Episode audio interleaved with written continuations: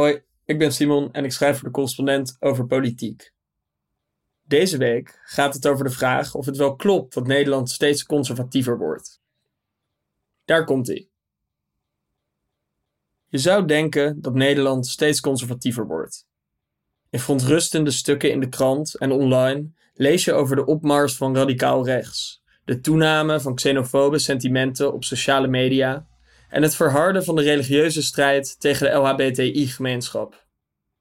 Of over de monsterzegen van BBB, de partij die wil dat Nederland stopt met het binnenlaten van asielzoekers die parasiteren op onze verzorgingsstaat. Steeds meer boze of bezorgde burgers die niks meer mogen zeggen, maar juist overal een podium krijgen om aan te geven dat de maat vol is. Woke heeft zijn beste tijd gehad, las ik in de Telegraaf. Het levert allemaal smakelijke koppen op, maar zeg maar weinig over het gros van de mensen. Neem een duik in de archiefkasten van de World Values Survey, de European Values Study en de European Social Survey. En zie dat de brede maatschappelijke trends een heel ander verhaal vertellen over Nederland. Of het nou gaat over feminisme of multiculturalisme, over immigratie of seksualiteit, over wetenschap of over abortus. Steeds meer Nederlanders hebben progressieve opvattingen. In 2014 was de verdraagzaamheid van Nederlanders ten opzichte van mensen met een andere geloofsovertuiging bijvoorbeeld schrikbarend laag. Bijna de helft van de Nederlanders vertrouwde een ander niet als die in een andere God geloofde. Tolerantie, mijn kont. Maar kwam je in 2022 aanzetten met dezelfde vraag, dan was het een heel ander verhaal. Die argwanende types waren nu in de minderheid. 1 op de 6. Hetzelfde geldt voor het vertrouwen van mensen met een andere nationaliteit. In 2014 vond maar liefst 50% van de Nederlanders dat knap lastig. Dat percentage is nu gedaald tot minder dan 16%. Tegelijkertijd denken steeds meer Nederlanders dat immigranten onze economie en onze cultuur verrijken in plaats van ondermijnen. En dat ze Nederland een beter land maken om in te wonen. We beginnen langzaam te beseffen dat migranten mogelijk niet de bron zijn van alle problemen, maar juist kunnen bijdragen aan het oplossen ervan. Ondanks die xenofobe oprispingen van een kleine groep schreeuwers, worden Nederlanders dus steeds ruimdenkender als het gaat om andere religies en nationaliteiten. Ook denken we in Nederland langzaamaan heel anders over vrouwenrechten. Wat betreft abortus hoeven we ons geen zorgen te maken dat het hier dezelfde richting uitgaat als in de Verenigde Staten. In 2009 vond een kwart van de Nederlanders nog dat abortus onacceptabel was. Maar in 2022 was dat nog slechts 1 op de 10. In 2009 vond 1 op de 6 Nederlanders trouwens ook dat mannen meer geschikt zijn als politiek leider dan vrouwen. Inmiddels is dat aantal geslonken tot minder dan 1 op de 10. En als het gaat om wat Nederlanders denken over LHBT-plussers, zie je dat er een ware aardverschuiving heeft plaatsgevonden. In 2009 had grofweg 1 op de 5 Nederlanders nog grote problemen met homoseksualiteit. Toen was het woord homo nog het meest gebruikte scheldwoord in de kleedkamer van mijn voetbalclub. Terwijl ik op school leerde dat de strijd voor emancipatie niet langer nodig was. Nederland was af, strikt erom. Nou, niet dus. Er was en is nog flink wat te winnen. Inmiddels spelt de homofobe minderheid nog maar op een schamele 5%. De trein van vooruitgang en rechtvaardigheid dendert ongehinderd door. En dan nog even de opvattingen over klimaatverandering. De keuze van de hoge pieven in Den Haag zorgen voor pijn aan de pomp.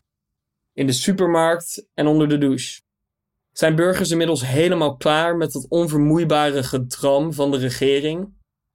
Nou, nee. In 2014 vond de helft van de Nederlanders economische groei en het creëren van banen belangrijker dan het beschermen van het klimaat. Maar in 2022 was dat nog maar een kwart. En er is nog een belangrijke verandering gaande met betrekking tot het klimaat. Minder Nederlanders vinden dat we te veel op wetenschap vertrouwen in plaats van ons geloof, terwijl meer mensen het belang inzien van wetenschappelijke kennis in het dagelijks leven. Leven de verlichting. Maar hoe is dit te rijmen met het feit dat Nederland de afgelopen jaren steeds rechtser is gaan stemmen? Nou, je zou het haast niet geloven, maar rechtse partijen als de VVD en het CDA zijn veel klimaatbewuster dan ze 20 jaar geleden waren. Slaat het verkiezingsprogramma van de VVD in 2002 er maar eens op na. Het enige klimaat waar die partij zich toen om bekommerde, was het vestigingsklimaat. En dit is niet het enige gebied waarop partijen hun standpunten veranderen. In 2000 verzette de ChristenUnie zich nog krampachtig tegen het homohuwelijk, net als het CDA.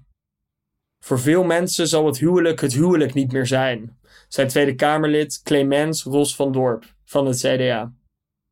Maar de ChristenUnie krijgt binnenkort voor het eerst een openlijk homoseksuele senator in de Eerste Kamer.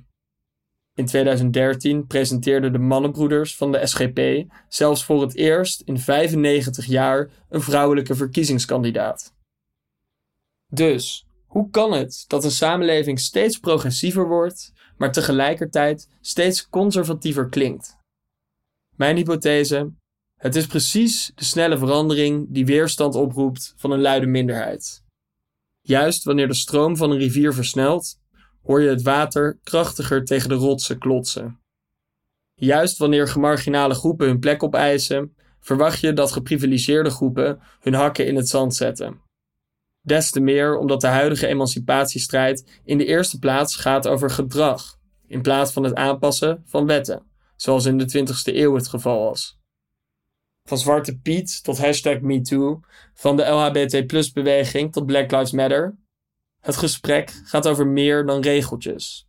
Het gaat over jou en mij. Het is persoonlijk. Natuurlijk roept dat felle reacties op, maar laten we die niet verwarren met het bredere perspectief. Eigenlijk heb je niet eens een onderzoek nodig om te zien dat de cultuur voortdurend verandert. Bekijk eens een film uit de jaren 2000 en je slaat achterover van de ongegeneerde misogynie. Het grote plaatje: Nederland wordt steeds progressiever. Het is de missie van de correspondent om voorbij de waan van de dag te gaan. Onze correspondenten voorzien het nieuws van context en schrijven over de grote thema's van deze tijd. De correspondent geeft me de vrijheid om mijn nieuwsgierigheid te volgen en de tijd om verhalen te schrijven. En zo probeer ik onzichtbare structuren zichtbaar te maken en een andere kijk te bieden op debatten die het nieuws domineren. Dan gaat het minder over het spelletje en veel meer over wat er op het spel staat.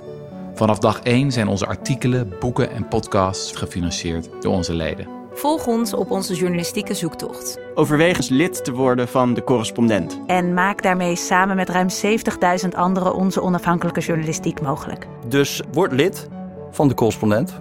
Ja. Word lid. Word lid.